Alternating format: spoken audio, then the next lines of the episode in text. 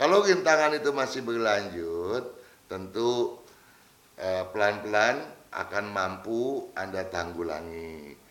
Ya, kalau uh, rintangan tersebut terlalu besar, saya berharap Anda menyimak ulang buku tahun lalu. Saya khawatir Anda melanggar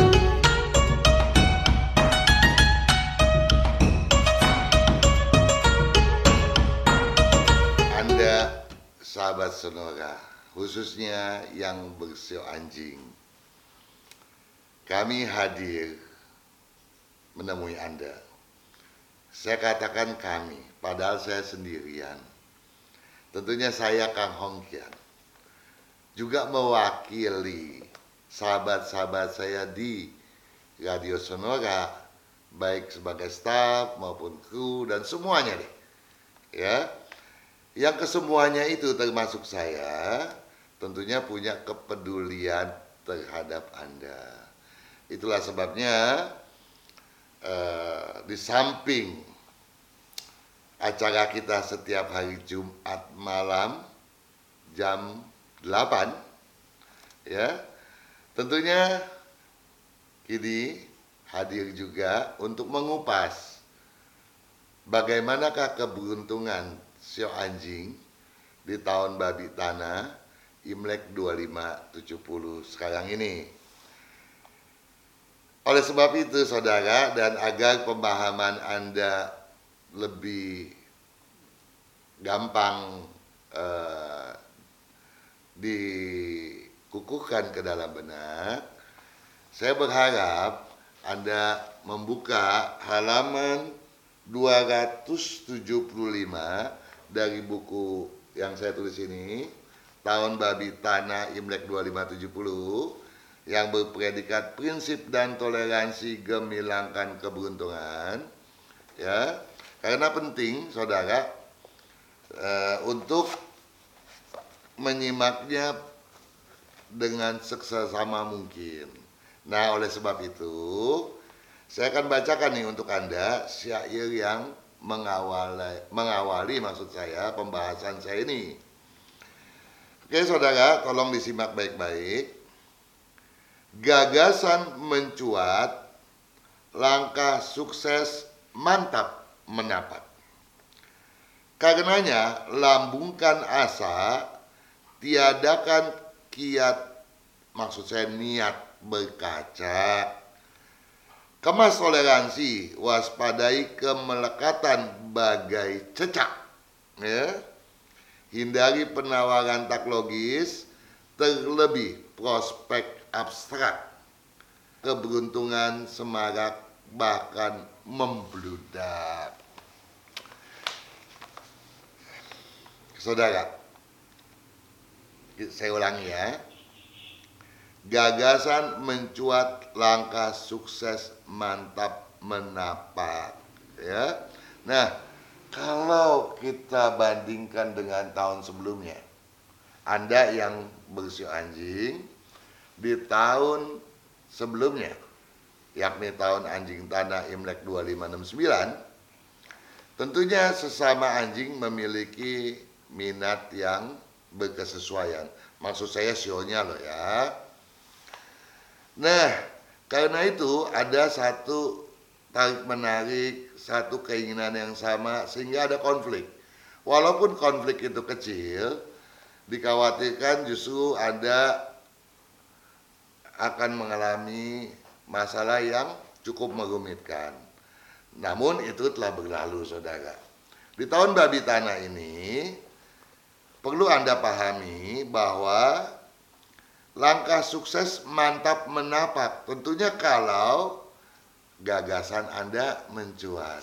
Nah supaya gagasan Anda mencuat, tentunya Anda harus lupakan berbagai rintangan di tahun lalu.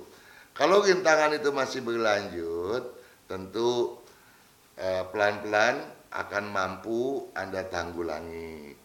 Ya, kalau eh, rintangan tersebut terlalu besar, saya berharap Anda menyimak ulang buku tahun lalu. Saya khawatir Anda melanggar pantangannya. Tapi kalau tidak, tentu tahun babi tanah adalah sebuah lembaran baru di mana langkah Anda akan banyak berubah dan menuju ke prospek yang jauh lebih baik. Ya, itulah sebabnya gagasan perlu Anda kembangkan dengan sebaik mungkin. Karenanya lambungkan asa, tiadakan niat berkacak. Nah, di sini ada satu kalimat yang maknanya ada dua. Yang pertama, lambungkan asa. Jadi harapan Anda harus ditingkatkan, ya. Jadi bukan sekedar meningkat loh ya, lambung. Nah kalau dilambungkan kan satu lompatan yang tinggi ya. Nah kalau lompatan yang tinggi tentu membutuhkan kecermatan. Nah dan kecermatan itu harus ada tuangkan dalam perencanaan yang matang. Nah lambungkan asa, tiadakan niat berkacak. Nah kalau anda berkacak, Berkacak karena maksudnya tahu nggak? Nih, ah ya, itu namanya angku, sombong. Itu menggagalkan, ya, menggagalkan asa anda sendiri. Dengan kata lain, tiada gagasan yang bersifat positif membangun kalau anda angku. Jadi anda harus buang jauh-jauh sikap berkacak anda anda patut menggantikannya dengan sikap empati dan simpati. Itu tidak sulit karena sebagai pribadi bersio anjing yang terkenal dengan kesetiaan, tentu mudah sekali untuk hal semacam itu. Ya, Anda sekali lagi saya katakan setia sebagai yang bersio anjing. Ya, Anda punya prinsip. Ya, tetapi yang saya khawatirkan sekali kalau Anda terlalu setia, melekat bagaikan cecak, itu namanya toleransi yang kebablasan. Nah kalau toleransi Anda kebablasan, ya Anda gagal. Nah di samping itu, melekat bagai cecak dapat kita artikan juga anda terlalu uh, kukuh dengan pendirian Anda. Ya, terlalu setia sehingga tidak uh, menoleransikan satu negosiasi. Ini juga salah. Ya, jadi Anda harus lebih fleksibel itu yang dimaksudkan. Kemas toleransi, waspadai kemelekatan bagai cecak tuh. Betul kan? Tadi udah saya katakan, kalau kita berkacak, takutnya kemelekatan kita justru bagaikan cecak. Kita lihat cecak kalau udah nempel di langit-langit itu juga nggak akan jatuh gitu ya. Nah, kita harus lebih fleksibel. Hindari penawaran tak logis, ya. Terlebih prospek abstrak. Kenapa saya katakan tidak logis? eh, yang bersio anjing itu lahir dengan pembawaan unsur logam dengan sisipan tanah. Artinya Anda itu punya asa, punya harapan, ambisi yang mumpuni. Artinya dapat diandalkan. Anda akan setia kepada tabel yang Anda buat. Nah ini penting Jangan sampai kemalasan kemudian menggagalkan asa kita. Jadi semangat itu harus disubstitusikan ya, didongkrak dengan kedisiplinan ya. Nah, tetapi kalau unsur tanah tadi saya katakan di tahun ini pun yang berperan adalah tanah dengan air ya Nah sehingga tanahnya betul-betul tertimbun. Nah kalau tanahnya menimbun banyak sekali, Anda terlalu bijak. Nah kebijakan itu jangan sampai jadi kebablasan juga. Nah kalau kebijakan yang kebablasan, kita gampang aja tuh percaya. Sehingga hal-hal yang tidak logis juga kita percaya. Nah ini salah. Ya, dengan kata lain, tahun babi tanah memberikan peluang yang besar buat kemajuan Anda. Apalagi kalau kita bandingkan dengan setahun yang lalu. Tetapi tahun babi tanah juga mempunyai ranjau-ranjaunya bagi Anda. Sehingga kalau Anda tidak cermat, Anda akan kena ranjau yang bersifat tidak logis tadi. Ya. Sehingga di sini dibilang terlebih prospek abstrak. Jadi kalau prospek yang belum berkepastian, jangan Anda ambil. Anda harus pasti dulu. Ya, A sampai Z prospek tersebut sudah dihitung, nggak ada celah. Ya, paling nggak perhitungan Anda sudah 90% misalnya, ya. Ya 10% ada pertimbangan lebih baik lagi lah.